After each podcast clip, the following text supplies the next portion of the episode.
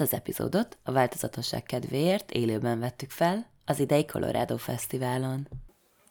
Sziasztok! Én Solti Hanna vagyok, újságíró, és a Venus Projekt podcastnek az egyik uh, hostja.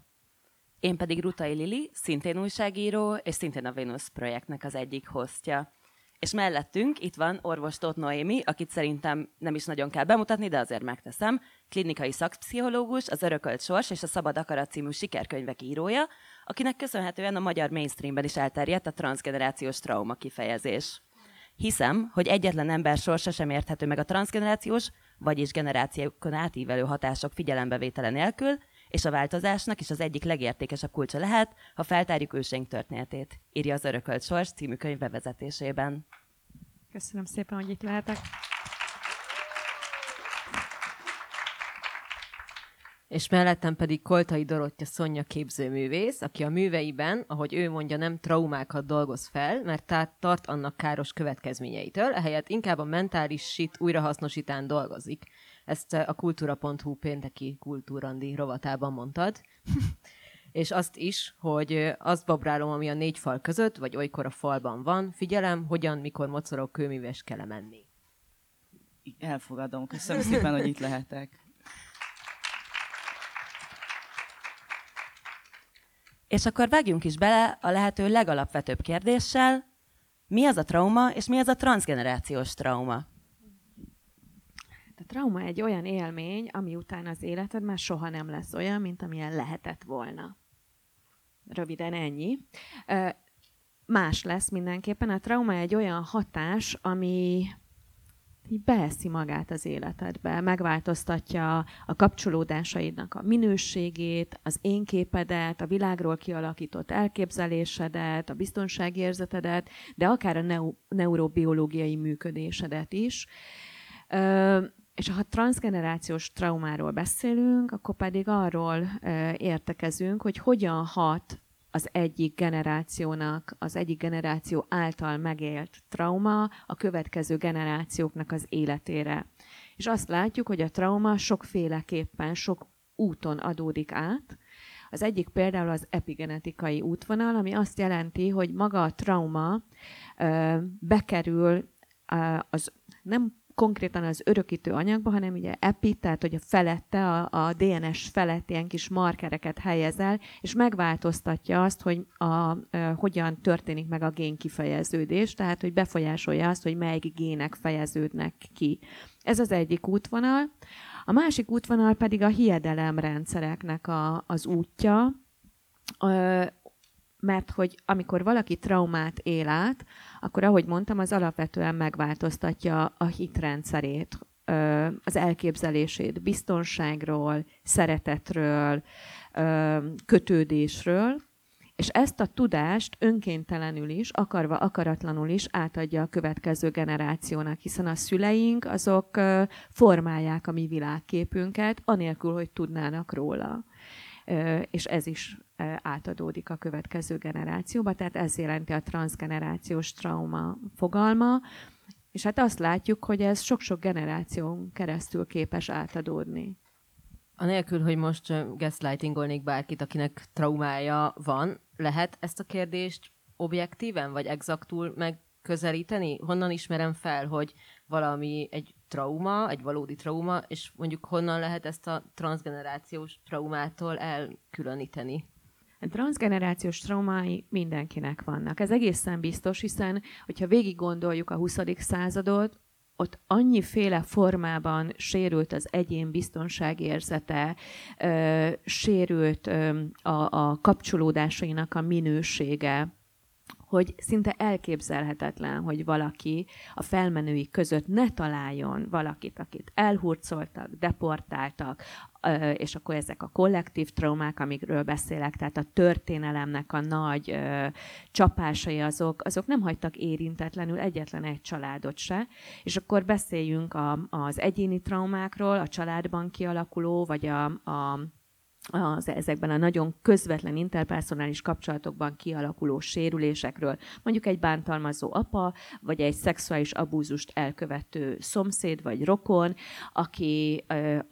a, akinek aztán a tette, az, az befolyásolja az egyénnek az egész életét, és, és ez átadódik. Tehát, hogy, hogy az lenne jó, hogyha elfogadnánk azt, hogy mindannyian hordozunk magunkban egyéni sérüléseket, amiket mi szenvedtünk el az egyéni életutunkon, hiszen amikor az óvónéni azt mondta, hogy nem tudom én, mentél oda a kis rajzoddal, nagyon büszkén, és azt mondta, ugyan már kérlek, hát ez nevetséges, hát egy pöttyös labda nem így néz ki, te hülye gyerek. Akkor az egy megszégyenítés volt, ami hogyha ismétlődött, akkor ugye az beíródott, és a te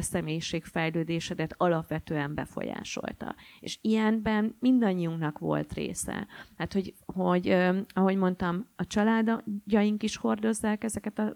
transgenerációs traumákat, és mi az egyéni életünkben is ezerféleképpen sérültünk már. És én nagyon örülök annak, hogy erről végre lehet beszélni, és végre a nagy nyilvánossághoz is eljutott az, amit a pszichológusok már nagyon-nagyon régóta felismertek, és amiről már a különböző szaksajtó már évtizedek óta cikkezett. Hogyha ezt átfordítjuk egy kicsit a művészetre, Szonya szerinted hogyan jelennek meg a traumák a művészetben, vagy pontosabban, hogyan tudja akár egy alkotó, akár egy befogadó azt, hogy egy traumával találkozik, honnan tudjuk, hogy ez kőmíves kelemenné, és nem pedig csak egy történet?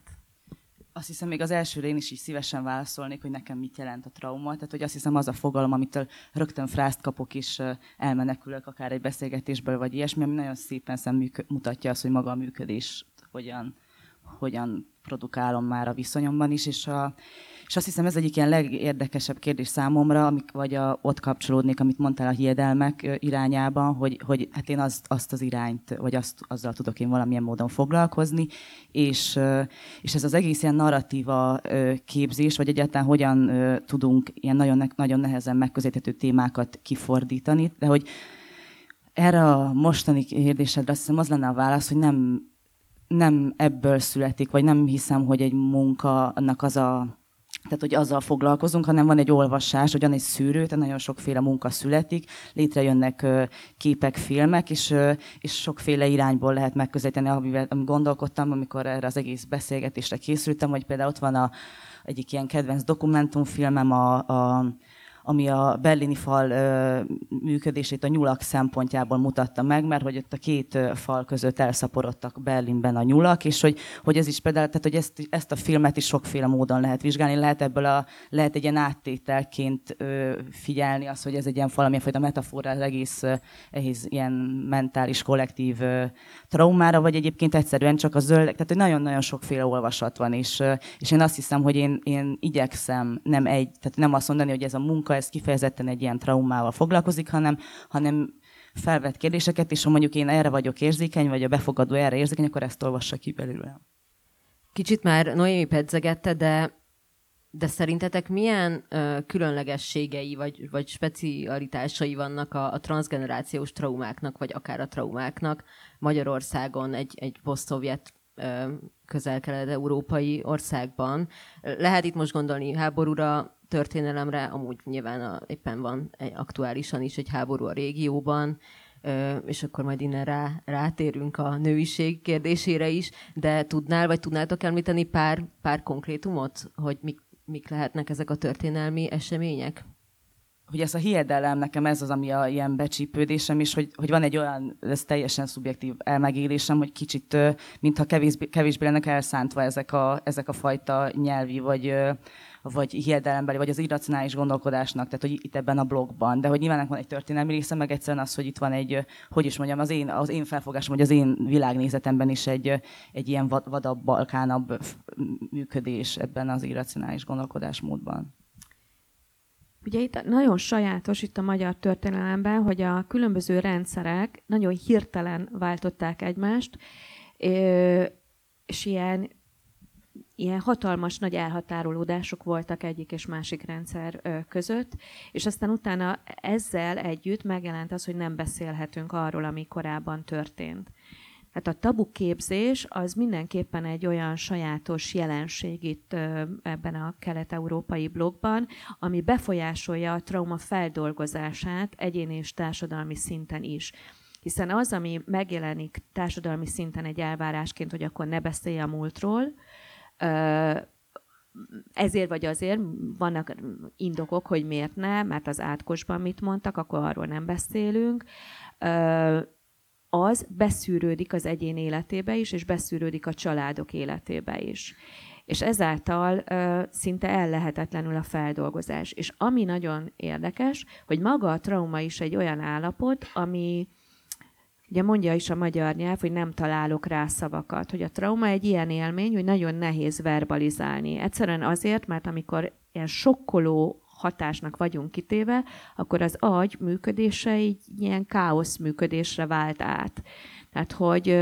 leválik a, a neokortex és a limbikus rendszer működése egymásról, és, és elvész a, a, az a képességünk, hogy verbális szinten kifejezzük az aktuális, nagyon megterhelő érzelmeinket. És akkor, mivel a traumának van ez a hatása, plusz társadalmi szinten hozzáadódik a tabuképzés, ezért aztán itt kialakult egy ilyen egészen sajátos viszony mindenhez, ami nehéz emberi érzés. Szóval, hogy azokról nem, nem kell beszélni. Ne firtasd, ugyan már, hagyd már ezt a témát, már megint miért jössz ezzel, mondják a családtagok egymásnak, amikor valaki arról szeretne beszélni, hogy neki milyen problémái vannak. És ez így ö, tulajdonképpen észrevétlenül is, de rombolja az egyén-egyén közötti bizalmi kapcsolatot. Hiszen maga a bizalmi kapcsolat az azt jelenteni, hogy bármit kimondhatok, amit érzek, és kapok arra időt, hogy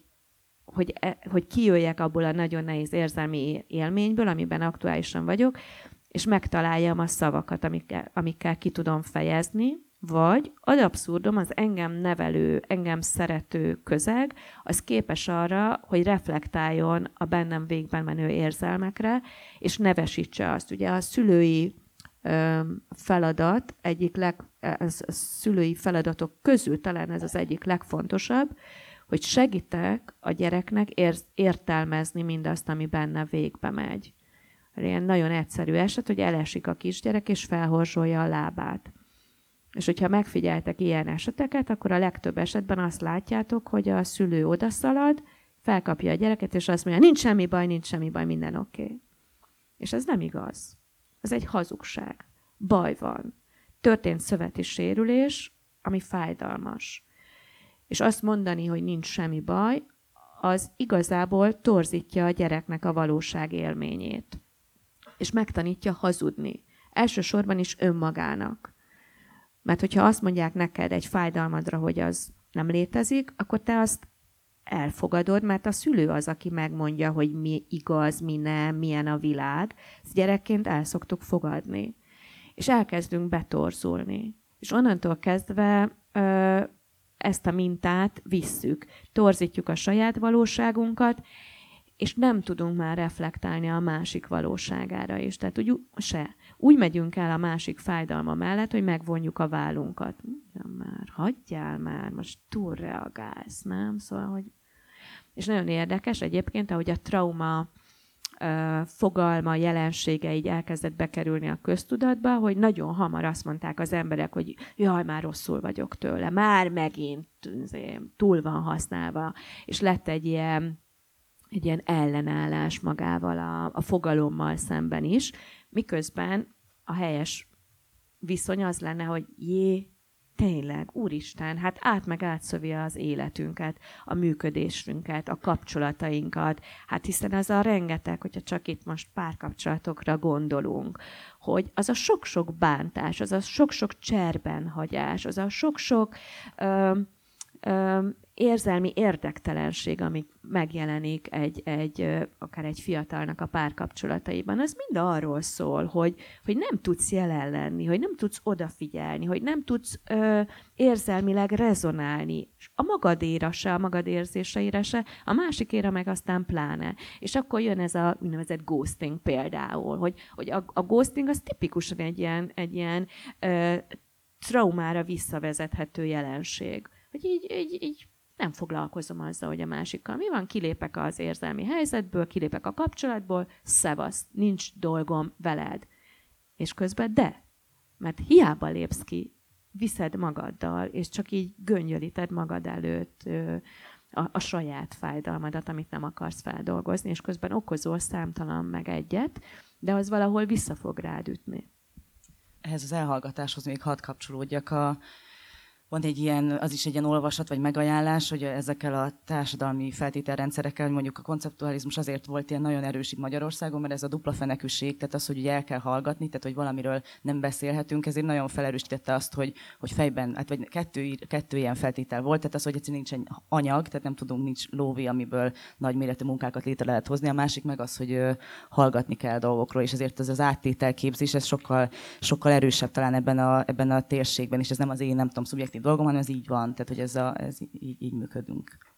Egy kicsit visszacsatolva a szülő-gyerek kapcsolatra, nagyon sok minden rezonált nekem a nők és a társadalom viszonyával, és hogy Hanna beharangozta, nem lennénk jó feminista podcast, hogyha nem hoznánk be a nők szerepét a traumákban és a transgenerációs traumákban. Milyen különlegességei vannak, hogyha nemekre bontjuk le, nem is csak a nőkre gondolva, bár most, hogyha azt mondjuk, hogy nemi erőszak vagy szexuális bántalmazás esetében a társadalom hogyan fordul el a nőtől, vagy hogyan mondja azt, hogy biztos vagy benne, hogy nem csak sokat ittál? Biztos, hogy azt mondtad, hogy nem? Biztos, hogy nem csak bókolt neked az utcán? Tehát, hogy nagyon sok ilyen eset van, de biztos vagyok benne egyébként, hogy a férfiaknak is vannak hasonló sajátosságai, hogyha traumákról beszélünk. Hogyne, sőt, szexuális traumák is ö, érnek kisfiúkat is, aminek most azért már úgy egyre inkább tudatában vagyunk, hogy hogy ez nem kizárólag női élmény, bár a, a kutatások azért azt bizonyítják, vagy mutatják, hogy, hogy több lánygyereket ér szexuális zaklatás, szexuális abúzus, és a női létnek az egész íve alatt gyakrabban vagyunk mi kitéve szexuális traumának, mint a férfiak, ám de, hogy mondom, velük is ez előfordul, és ugyanúgy élethosszig tartó diszfunkciókat tud adott esetben eredményezni. A nők és a férfiak között megfigyelhető egyébként egyfajta különbség,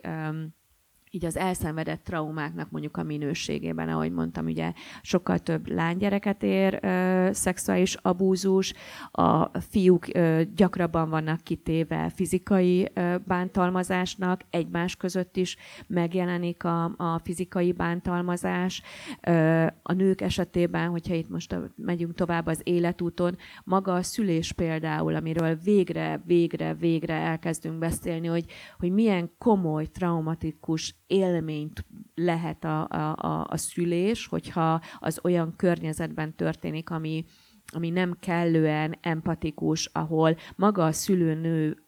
tulajdonképpen dehumanizálódik, és a medikalizált közegben szinte tárgyá válik a, a, ebben a legmélyebb, legbensőségesebb folyamatban, és végre eljutunk odáig, hogy, hogy a nők elmerik mondani, hogy milyen traumákat szenvedtek el,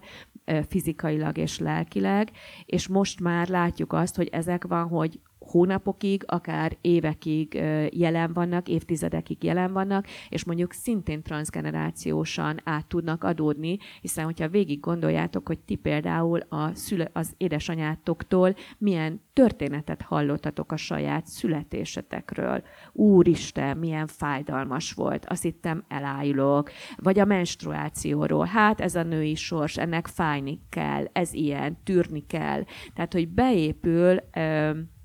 a női identitásba az, hogy, hogy a női lét az szenvedéssel jár, és a biológiai működésünk az, az hát ez magában hordozza a fájdalmat. Egyébként a nők esetében úgy tűnik, hogy gyakrabban jelenik meg posztraumás stresszzavar, ami ugye az hogy valami traumává válik-e vagy sem, az, az utólag retrospektíve tudjuk megfogni, mégpedig úgy, hogy jelentkezik-e bármiféle zavar az egyén életében, és azt látjuk, hogy a, a nőknél gyakrabban jelenik ez meg. Ezt éppen kutatják a, a különböző kutatócsoportok, hogy vajon ez miért lehet, hogy ennek lehet valami biológiai oka, vagy lehet valami szociokulturális oka, hogy a nők bátrabban beszélnek, vagy, vagy nyíltabban beszélnek arról, hogyha valami fájdalmuk van, míg a férfiak ugye kicsi koruktól arra vannak szocializálva, hogy az érzelmi fájdalmakat elnyomják magukban, vagy lehet ennek egy olyan oka, hogy hogy mondjuk a, a, a nők azok könnyebben internalizálják a fájdalmas eseményeket, és, és valahogy belsővé teszik, míg a férfiak azok, azok problémafókuszúan megpróbálják cselekvésben ezt lereagálni. Szóval, hogy ez egy, ez egy hatalmas terület, és végtelen izgalmas rájönni arra, hogy hol vannak a különbözőségek, és hol vannak az azonosságok. Nyilván az azonosságok mentén találjuk meg egymással a kapcsolatot. Még hadd kapcsolódjak itt a kettő, az a nyelvteremtés, azt hiszem, a, itt elhangozottak a feministák is, hogy, hogy a, az, az, azon gondolkodtam, hogy ugye van ez a, vagy a szlogen, ez a personalist political, ami elterjedt, és hogy, a, hogy egyetem mi volt itt a feladata a feministáknak a művészetben, hogy volt egy egy nagy-nagy hiány, tehát hogy valamilyen módon különböző tapasztalatokat megpróbál kihangosítani valamilyen formában a, a képzőművészet, bármilyen társművészet, ez az én fókuszom, ezt látom jobban, és hogy, hogy ott történt egy olyan, hogy, hogy egyszerűen az intim szférára rá, ráfordult, a, ráfordult az érzékelés, hogy erről kell beszélni, de nem hiszem, hogy itt a, a, a tapasztalat különböző, csak egyszerűen ott lett egy ilyen fajta ilyen hiátus, ami, amire robbant valamilyen módon, vagy megtörtént egy ilyen, egy ilyen fordulás, a másik meg ezek a történetek mentén ö, hogyan értelmezem saját magam, vagy miket kapok, erre van egy ilyen kedves, kedves történetem, hogy akár az én saját rendszeremből mi ö, mi az, ami az én képemet meghatározta, és ez az egész ilyen női sorssal kapcsolatban mi is ez, amúgy nem feltétlenül a fájdalomról, de mégis ilyen ellentmondásos, hogy például nekem az volt, amikor kicsi voltam, akkor mindig ö, meg, megettem az alma csutkáját, mert nagyanyám azt mondta, hogy ha, megesz, hogyha nem eszem meg az alma csutkáját, akkor nem lehet gyerekem, és akkor fontosan ugye ettem az alma csutkáját, nehogy aztán ezen múljon. És aztán persze egy ponton elkezdtem nem megenni, mert hogy nem gondoltam, hogy nekem most végtelen, nem tudom, szül, nem kéne itt egy rengeteg almafákat, vagy bármit, és, és ezért ezért, ezért ez megszűnt, de hogy, hogy ez is az egész ilyen termékenység akkor, akkor nem esett jól, tehát nem, nem finom szerintem annyira az almacsutka, de és, és azért mégis, mégis megettem, és akkor ez az egész ilyen hogy hú, akkor most hogy van ez az egész, hogy akkor én most akkor megeszem, nem eszem. Aztán másik ilyen mondás meg az volt, a anyám azt mondta, hogy, a, hát, hogy vigyázzak, mert hogy ő, amikor, hogy a szomszéd szobából is teherbe esett. És akkor én meg mondtam, hogy te Jézusom, tehát én megettem a világ összes almacsutkát, anyám áldan teherbe esett, és akkor ugye van ez a folyamatos kapartatás, ami meg a nagyanyámnak, tehát hogy, hogy itt azért van, van, ez egy ilyen nagyon nehéz, most akarom, nem akarom, és hogy, hogy, hogy ezek félig viccesek, félig meg egyébként tényleg borzasztóak, hogy akkor most vigyázni kell arra, hogy ne az legyen, hogy akkor nagyanyám kötőtűvel. Tehát, hogy ezek, amik már ugye már szomorúbbak, meg ott azért szudarabb dolgok is történtek ezzel az egész témával kapcsolatban. Na mi, hát ugye ezek... De hogy csodálatos, amit elmondasz, hiszen ez a transgenerációs formálásról szól, ugye, hogy nagyon sokáig nem is gondolkodtál, hanem ösztönösen csináltad, mert valaki, akivel te szeretett kapcsolatban voltál, azt mondta, hogy ez a világformálás, hát amit ugye csinál a, a, a, a felmenő generáció, és hogy nagyon sokára jutunk el odáig, hogy megkérdőjelezzük, hogy biztos, hogy ez tényleg így van, hogy egyrészt ez a feladatom, hogy gyereket szüljek, másrészt meg azt kell, hogy megegyem az almacsutkát ahhoz, hogy ez megtörténjen. És mi van akkor, hogyha nem kérdőjelezzük meg? És azt látjuk, hogy generációkon keresztül nem történt meg az, a, ezeknek az alapvetéseknek a megkérdőjelezése meg talán az is benne van, hogy, hogy ez a félelem része, tehát hogy valamit nem értünk, vagy nem tudunk pontosan, hogy hogy történik, és akkor be, beszökik ebbe az ilyen teljesen furcsa, furcsa hiedelemvilág, ami fel, mert nem, nem, nem, nem, ők sem voltak képbe sok mindenet, vagy nem azt gondolom, hogy nem tudta, hogy hogyan születik a gyerek, de hogy mégis rengeteg olyan dolog volt, ami, ami nem volt a köztudatban, és ezekben meg végképp ilyen táptalaj ezeknek Így van, ő biztos, furcsa. hogy ő is a nagymamájától ezt hallotta, és úgy volt vele, hogy hát ha ne, nekem ez volt egyfajta fogódzó, mert mégiscsak így elmagyarázta a világot, még hogyha ilyen hibásan is, de akkor ezt a magyarázatot tovább kell adnom. Szóval, hogy e, ettől Egyébként gyönyörű a transgenerációs átadás, hiszen pont arról szól akár az epigenetikai átadás része is, hogy a, a felmenő generáció valahogy arra készíteni fel a következő generációt, hogy nagyobb valószínűséggel éljen túl. Hát erről szól az egész történet. Csak aztán ugye hát azok a, a körülmények megváltoznak, ami, amiben mondjuk a felmenő generáció született és élt, és már nem kell éhezni, már nincs háború, de mégis azt a fajta szorongásra való készenlétet átadja epigenetikus úton, és aztán ott van egy, egy mai generáció, aki nem érti, hogy honnan vannak benne azok a megmagyarázhatatlan szorongások, és nem találja az okát, és akkor ott ugye elkezdünk azon gondolkodni, hogy hát mi minden történt a te családodban, amit nehéz volt feldolgozni, nehéz volt elfogadni, ami nagy sorscsapás volt.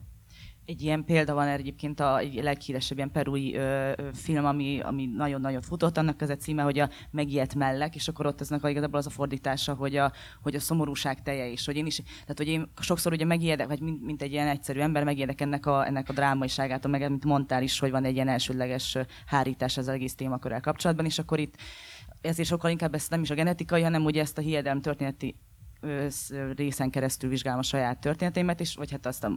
önelgondolásomat, és hogy itt például ez, hogy, hogy mondjuk abban a peru nyelvben, vagy a hiedelmilágban hogyan egy ilyen teljesen magától adódó dolog, hogy, a, hogy az anyatejn keresztül tényleg magába szívja a gyerek a szomorúságot. Ezt Magyarországon is, hogy ideges tejjel ne szoptasd a gyerekedet, ezt szokták mondani az anyukáknak, ami hát ez a Jézusom, tehát, hogy tényleg még a tejem is lehet ideges. És akkor mérgező, meg on, onnantól kezdve aztán egész biztos, hogy nem lesz elnyugodt. És egyébként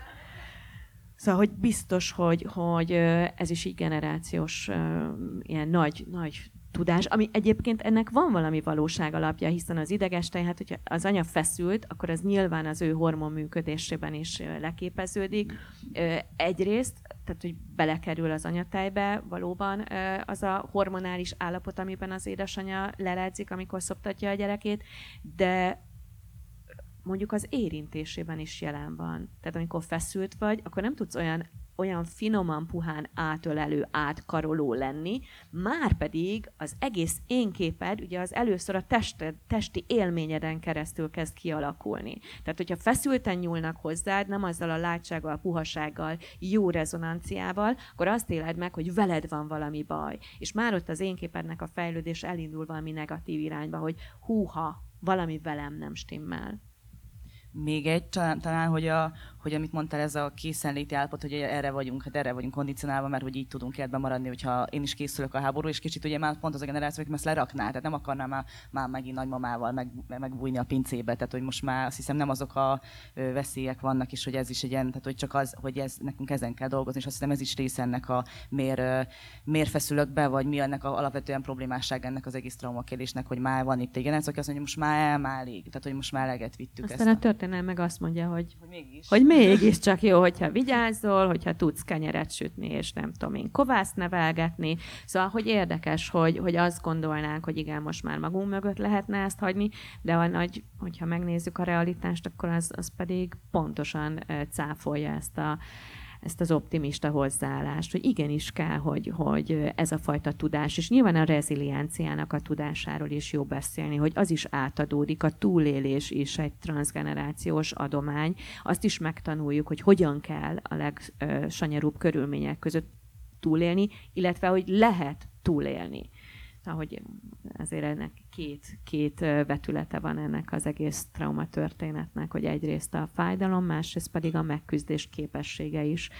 öröklődik hogy ez, nek, én ezzel, ezzel szoktam gondolkodni, és kíváncsi vagyok, hogy mit gondolsz, hogy ugye van ez a jéghátán is megélés, hogy a, hogy a nagyanyáink generáció ugye már mindent is túlélt, és hogy csak ezt, hogy, hogy egyébként az a hozzáállás, hogy már azt mondod, hogy most megint produkálja ezeket a veszélyhelyzeteket a világ, de hogy, hogy nem azon, hogy tudod eleve, tehát hogy én abba kondicionáltam, hogy ugye egyedülálló nőként meg kell, tehát hogy életben kell maradni, és hogy ez a lényeg, és hogy azért eleve egy ilyen fajta rendszer, egy ilyen világba építem, hogy ezt, ezt építem magam ki a ré, tehát hogy van egy ilyen... Az biztos, ez, ez biztos, hogy ha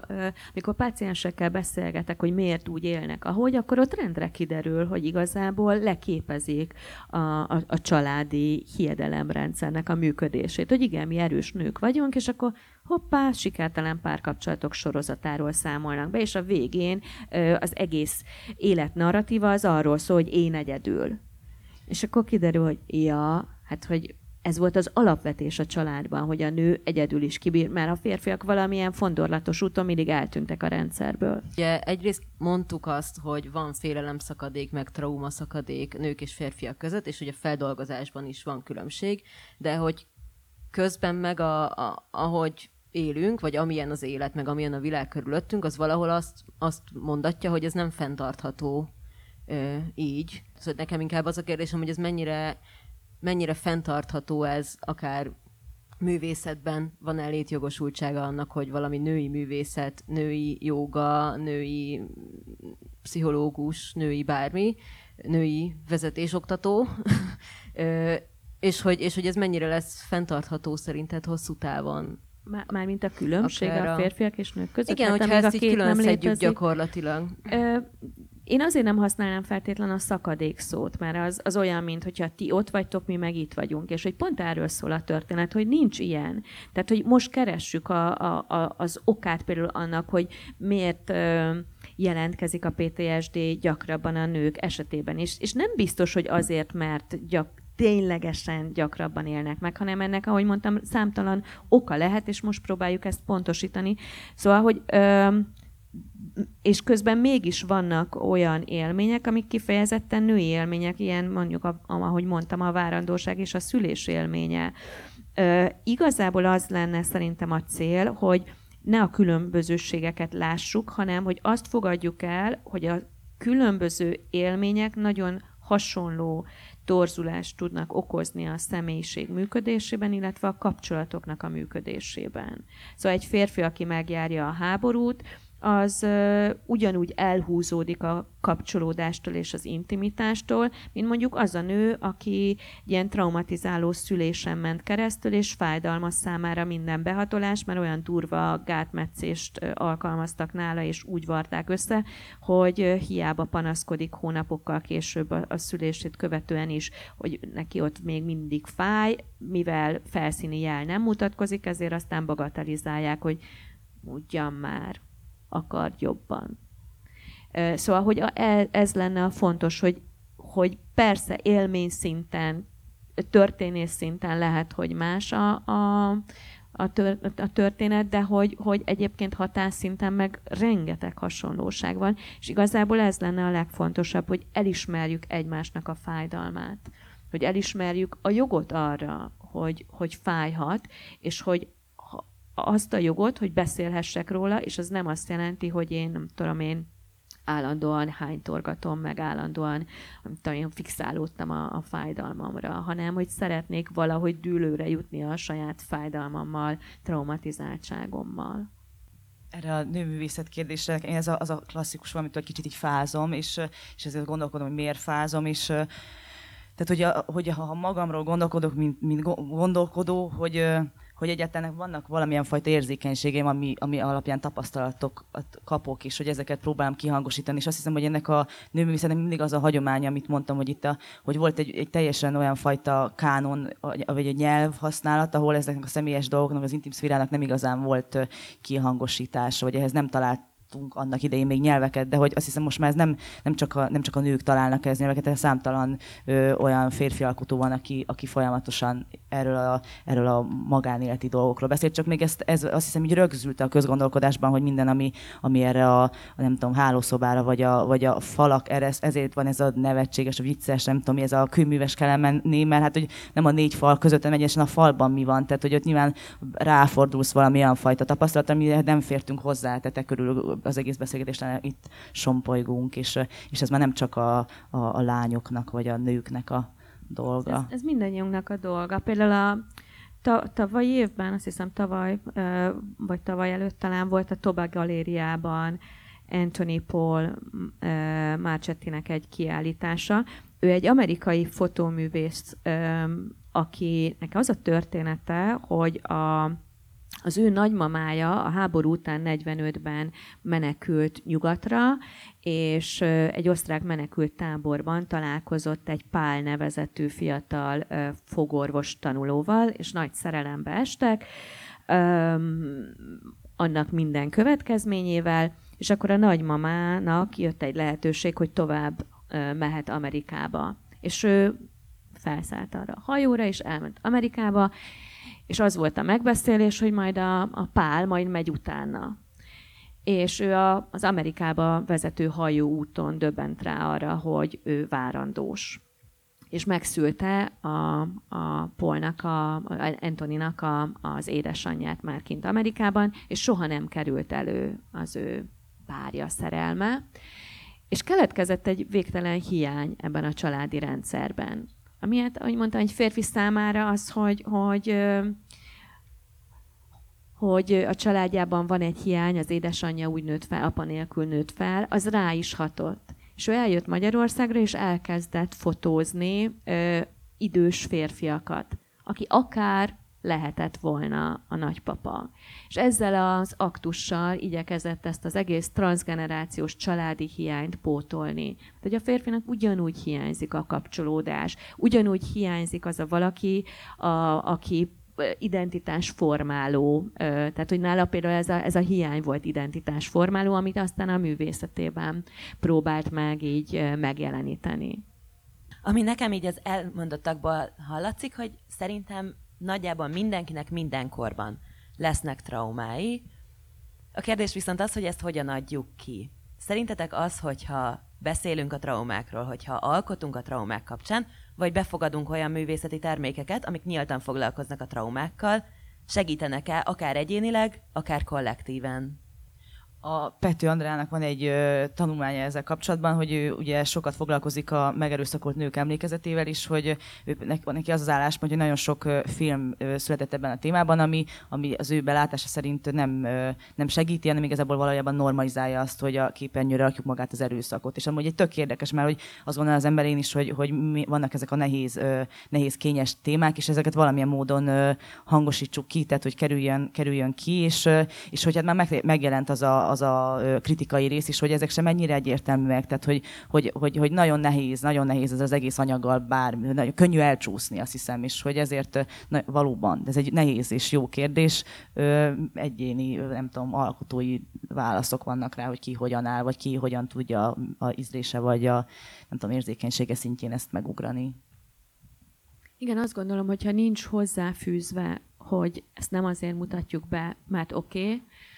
akkor valóban ez előfordulhat, ahogy az Andrá mondja, hogy, hogy, hogy elkezd ez így, hm, hát ez történt, hát hiszen ha látom, akkor ugye ott ez, azt egy távolságból látom. És ez a távolság, ez nagyon sok mindenre ad lehetőséget. Arra, hogy elhatárolódjak attól, amit látok, és arra is ö, lehetőséget ad, hogy azt mondjam, hogy hát tulajdonképpen, hogy ezt így vizuálisan így lehet ábrázolni, én itt ülök a nyugos kis fotelomban, hát ez semmi, tehát hogy nem tudok azonosulni vele, és onnantól kezdve történhet meg azt, hogy, hogy normalizálom magát a, azt, a, azt a traumatikus eseményt, aminek a szemtanúja vagyok. De hogy maga a művészet az mindenképpen egy lehetőséget biztosít arra, hogy a bennünk végbe menő, nagyon fájdalmas eseményeket valahogy feldolgozzuk, hiszen a művészetterápiás foglalkozások, beavatkozások azok pont arról szólnak, hogy mindaz, ami benned van, azt valamilyen formában kifejezed, kirakod, és ezt a, ezt a szavakon túli, nonverbális szavakkal megragadhatatlan élményt, ezt valami tárgyi formában, például ilyen művészeti alkotások formájában megjeleníted, és sokszor magad számára is megdöbbentően rálátsz a tudattalanodba rejtett tartalmakra. Szóval, hogy nem egyszer fordul az elő, hogy egy ilyen alkotási folyamat segít megmutatni, hogy egyébként te tudattalan szinten mivel küzdesz, és és hogyan működsz, és hogyan viszonyulsz helyzetekhez. Igen, csak mert bocsánat, hogy van azért egy olyan nézet, hogy, hogy az a művészet, ami terápiás, az kvázi nem lehet igazán jó, mert hogy a művészetnek az lenne a feladata, hogy folyamatosan újra és újra traumatizáljon és kőkeményen ö, szembesítsen. Nem tudom, hogy ti mit, gondolok, mit gondoltok erről, vagyis hát sejtem. Hát úgy nagyon sok meglátás van, és ezek elférnek egymás mellett. Tehát, hogy, hogy, hogy, hogy van, aki ezt így látja, azt hiszem, hogy valami olyasmi az én, én meglátásom ezzel kapcsolatban, mint a Noéminek, hogy, hogy belecsúszunk tulajdonképpen, tehát elkezd az ember ö, dolgozni, ö,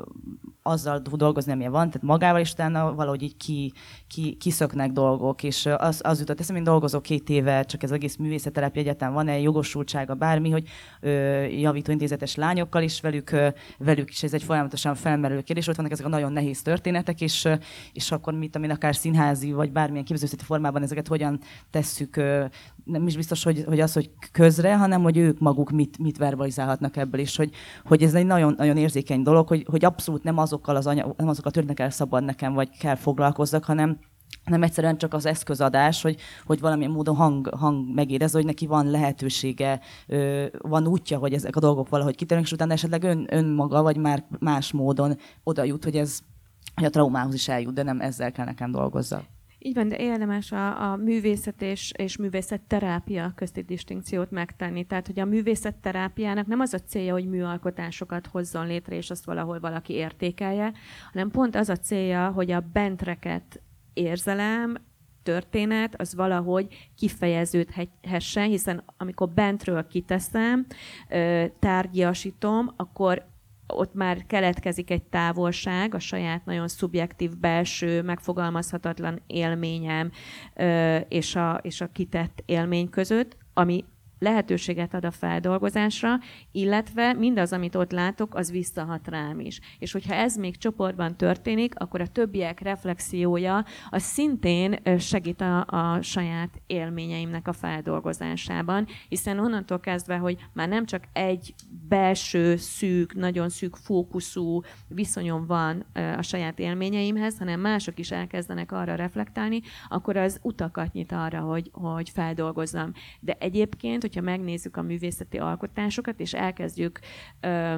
egy kicsit kapargatni a művésznek a sors történetét, akkor ott azért nagyon gyakran kiderül, hogy bár nem annak szánta, de mégis az alkotásai a fájdalmáról beszélnek. Most például a Ludwig Múzeumban van a Művészet a Soa után című kiállítás, amit ajánlok mindenkinek. Egy egészen elképesztő sokkoló kiállítás. A Boris Luri nevét említeném, akinek ott olyan képei szerepelnek ezen a kiállításon, amik, ugye ő egy, ő túlélte a holokausztot,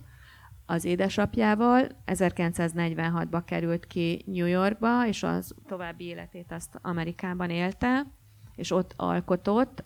sokáig csak a négy falnak, mert ez a, a létrehozott képeket nem állította ki.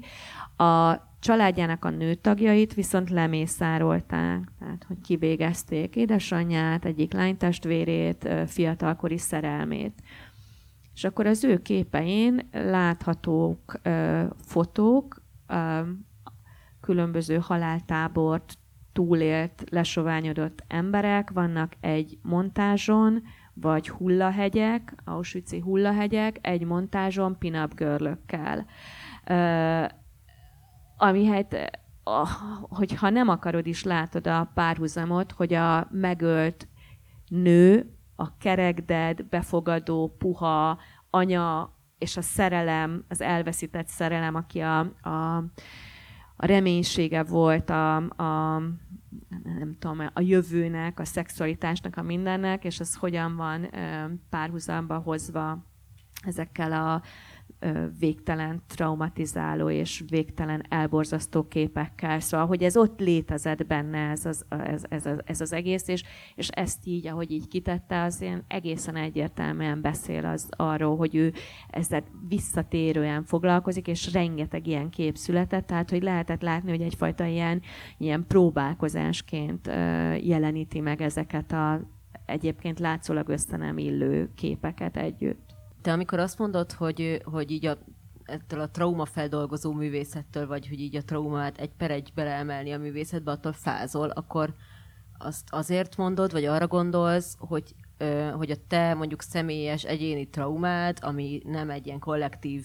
megélés, vagy nincsen több embernek ilyene, az nem érdemes, az nem, az nem ér annyit, ö, hogy mondjuk egy műalkotásba belekerüljön, és túl öncélú lenne? Na, nagyon örülök a kérdésnek, pont fordítva, tehát hogy, hogy azt gondolom, hogy ez egy nagyon, hogy a maga a kitételnek is változik a gyakorlata, és hogy egyszerűen, ha csak fogom és kirakom a szennyesemet, azzal, azzal kapnak egy lesújtó élményt, hogy úristen, és akkor közben ott van a befogadó, aki, aki amiatt, mert hogy azt látja, hogy hát én teljesen mesztelenítettem magamat, hát nem meri azt mondani, hogy egyébként ez egy vacak munka, mert hogy, mert hát, mert hát mert mégis hát látjuk, hogy mekkora, mekkora nem tudom, tartalmi vonatkozása van, és hogy, hogy inkább ettől a részétől fázok, hogy itt van egy elvégzendő munka, maga a, mi, mi a, tehát a kitétel, ami, tehát hogy nem nagyon sokféle forrásból lehet munkákat csinálni, és hogy, hogy inkább az, hogy ott hogyan születnek meg az áttételek, hogy ki hogyan tudja ezt az egészet megoldani. Én sokkal azt hiszem áttételesebben, vagy hogy, hogy, hogy kell több, több ilyen abstrakció, vagy nem tudom, humor, vagy más az egy megküzdési stratégia, mint mondjuk egy akár egy ilyen sokkal direktebb példának, amit mondtál, inkább valami ilyesmi az én De hogy ez nagyon egyéni. Szóval, hogy mi történt, mikor történt, mennyivel vagyunk a, a trauma után, volt-e bármiféle egyéb segítség a, a traumának a feldolgozására. Egyáltalán felismerte az enyém, hogy itt traumáról van szó. A Luri valószínűleg ezt a szót ö, valószínűleg nem ismerte, ő csak azt tapasztalta, hogy ő végigélte a haláltábor borzalmát, hogy elveszítette a, a női tagját a családjának, és aztán megérkezik Amerikába, ahol pedig a fogyasztói társadalomnak a csillogása zúdul rá, és senki nem tud kapcsolódni hozzá, és ő is nagyon nehezen kapcsolódik, és hogy ezzel valamit kezdeni kell. Szóval, hogy, hogy hogy nagyon sok mindentől függ, hogy, hogy mennyire direkt például az ábrázolás, hogy, hogy mennyire beszél teljes nyíltsággal arról, hogy mi történt, vagy, vagy van benne egy ilyen áttétel, mondjuk tudom én, Salvador Dalinál például. Bennem így kívülállóként felmerül, hogy az utóbbi években mind a művészetben, mind pedig a pszichológiában egyre több szó esik a traumákról és a transgenerációs traumákról. Beszéltünk ugye holokausztot feldolgozó művekről, amiket az unokák nagyon gyakran csinálnak. Beszélhetünk például, Noémi, a te könyveidről, amik hatalmas sikert értek el. Mit gondoltok, hogy mennyire öngeneráló folyamat ez abban, hogy minél többet beszél a pszichológia, annál többet foglalkozik vele a művészet, és fordítva, vagy mennyire ezek gyakorlatilag egymással párhuzamosan elindultak valamilyen külső tényező miatt? Azt hiszem a én meglátásom ezzel, amit mondtam, hogy ez a 70-es évektől, nem tudom, volt egy hiány ezzel az egész narratíva, személyes narratíva képzéssel kapcsolatban is, és akkor most, most ennek megint, nem tudom, sikít. Tehát, hogy vannak ilyen alapvető hiányok, amik, amiket így párhuzamosan, tehát a válaszom az, hogy párhuzamosan persze egymást is gerjesztik, de, de hogy itt hogy ennek van most feladata, tehát bizonyos dolgokat el kell végezni, tehát hogy ez is a, megint csak az Andrára tudok hivatkozni, hogy, hogy bizonyos dolgok nincsenek elvégezve a, a, a, a, a, a, a, a, nem tudom, a társadalom mentális higiéniában, tehát hogy mondjuk a nincsen megerőszakolt nőknek ö, emlékmű, az, az, az, is egy dolog, ami, ami, amitől fázunk, szörnyű, úristen, ez, mit keres az egész téma itt most a Colorado-n, de hogy, hogy, hogy, hogy még van vele dolgunk, és hogy szerintem csak egyszerűen addig, amíg van vele dolgunk, addig ezeket így kilöki a rendszer. Igen, szóval, hogy a, a dolgok nem attól vannak, hogy beszélünk róluk, hanem azért beszélünk róluk, már vannak, és hogy ezért kell beszélni, mert ezek a fájdalmak ezek létre, léteznek, de biztos, hogy, hogy van egy ilyen társadalmi mozgás most, hogy, hogy, hogy a mai világban, amikor a, a mikroközösségek, a, a kapaszkodók egyre kevesebb számban vannak jelen az életünkben, tehát hogy nincs tehát felbomlanak a, a nagy családok, felbomlanak azok a munkahelyi közösségek, amik mondjuk megtartó erőt jelentettek volna.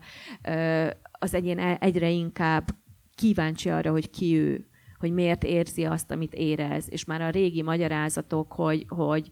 hogy csak, meg, meg igazából ennek a földi létnek, mondjuk, ami végighúzódott itt több száz éven keresztül az európai kultúrában, hogy az a célja, hogy itt szenvedj, és ne foglalkozz azzal, hogy, hogy miért érzed magad rosszul, mert majd odafel, majd a meg a mennyországban majd ott jól fogod magad érezni. Szóval, hogy ezek a magyarázatok, ezek már édes kevéssé tudnak hasznosulni, és ezért aztán az ember,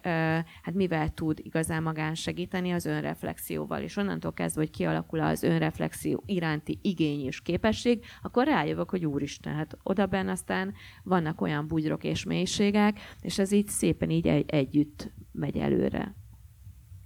Szerintetek mennyire vagyunk úgy amúgy uh, trauma tudatosak, eléggé-e már, vagy, vagy még nem, mivel lehetne ezen fejleszteni, és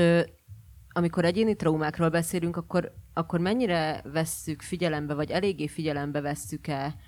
azt, hogy milyen világban élünk, és milyen hatások érnek minket. Gondolok itt arra, hogy mondjuk általában rögtön a családi kapcsolatainkban kezdünk el turkálni, hogy jaj, biztos azért vagyok ilyen, mert az anyám nem szeretett eléggé, miközben, miközben iszonyatosan nyomasztó a, a bolygó, amin amin élek. Hát ugye egyszerre lehet a kettő, hogy nyomaszt a bolygó, és anya, azt érzem, hogy anyám nem szeretett eléggé. És hogy mennyire vagyunk, akkor kezdjük ott, hogy mennyire vagyunk traumat, traumatudatosak, szerintem semennyire. Tehát attól még, hogy most erről így beszélgetünk, hogyha mondjuk megvizsgálnám annak az embernek a, a működését, aki egyébként már tudja, hogy létezik olyan, hogy trauma, meg már dolgozik a saját traumájával, hogy egyébként hány meg hány traumát okoz, mondjuk egy év leforgása alatt, akkor azért úgy rálátnánk, hogy ezen még azért van mit mm, javítanunk, vagy fejlesztenünk, mert mindaddig, amíg mondjuk akár mondjuk egyetlen egy olyan szülőnő van, akinek azt mondják, hogy, hogy ne hisztizzel, már fogja be a száját. Mindaddig, amíg egy csecsemőt elvesznek az anyjától, és nem tudom én, három óránként adják neki vissza szop, szopni, mindaddig, amíg az iskolában elhangozhatnak megszégyenítő mondatok, hogy ó, de hülye vagy fiam, ülj le, jobb, hogyha meg se szólalsz a következő 40 percben,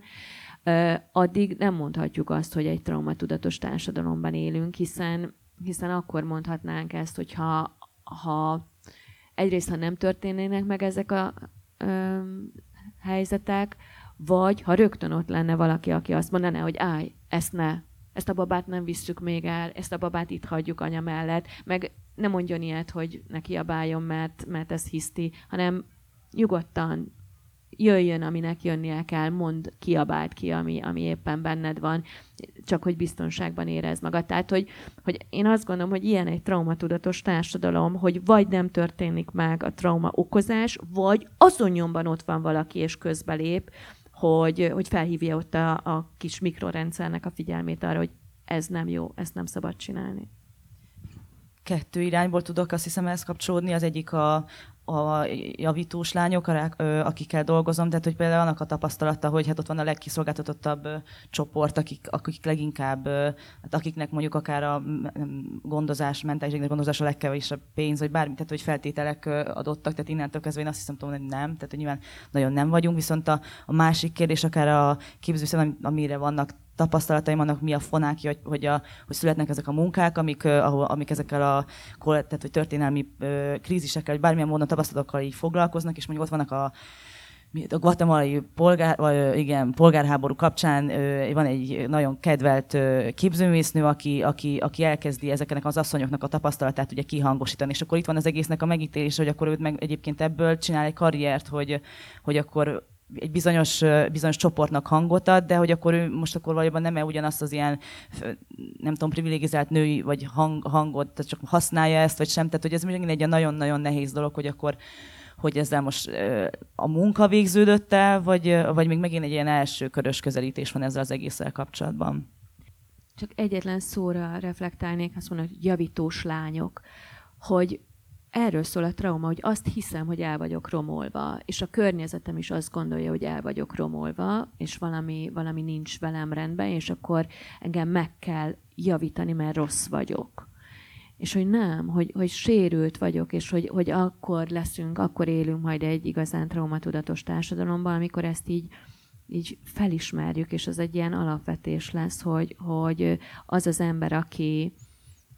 aki nem működik normálisan, és ezt most nagyon idézőjelbe teszem, ő nem rossz, ő rajta nem javítani való van, hanem ő segítségre szorul, mert valahol valaki ellopta tőle a biztonság és a bizalom érzését és lehetőségét. Tök fontos, és köszönöm, és hát csak az a nehézségenek az egésznek, mert tényleg nagyon nehéz itt most mi Ők fog... is így reflektálnak magukra, Igen, én meg hát maga az vagyok. intézményt is úgy hívjuk, hogy javítóintézet mai napig, hát, tehát hogy... Ez... Agy rém, érte? Szóval, hogy agy rém, hogy egy embert, egy gyereket kell megjavítani, mert a környezete olyan volt, hogy megsérült, hogy ő beleszületett ebbe a világba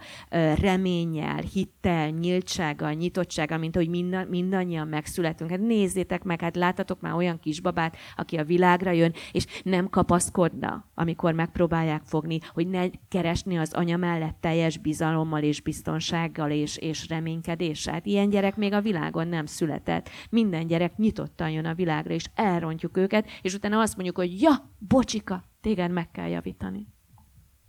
Záró kérdésként, mit gondoltok egyénileg, mit tehetünk azért, hogy egy kicsit traumatudatosabb legyen a társadalom, vagy hogy jobban tudjuk feldolgozni mi, és a körülöttünk lévők is a traumákat. Ez például egy remek példa. Az, hogy elkezdünk gondolkozni azon, hogy honnan jönnek a szavak, és hogy ez miért problematikus, hogyha nem is nyelvújítók vagyunk, valamennyit szerintem minden hallgatóhoz most hozzáadott.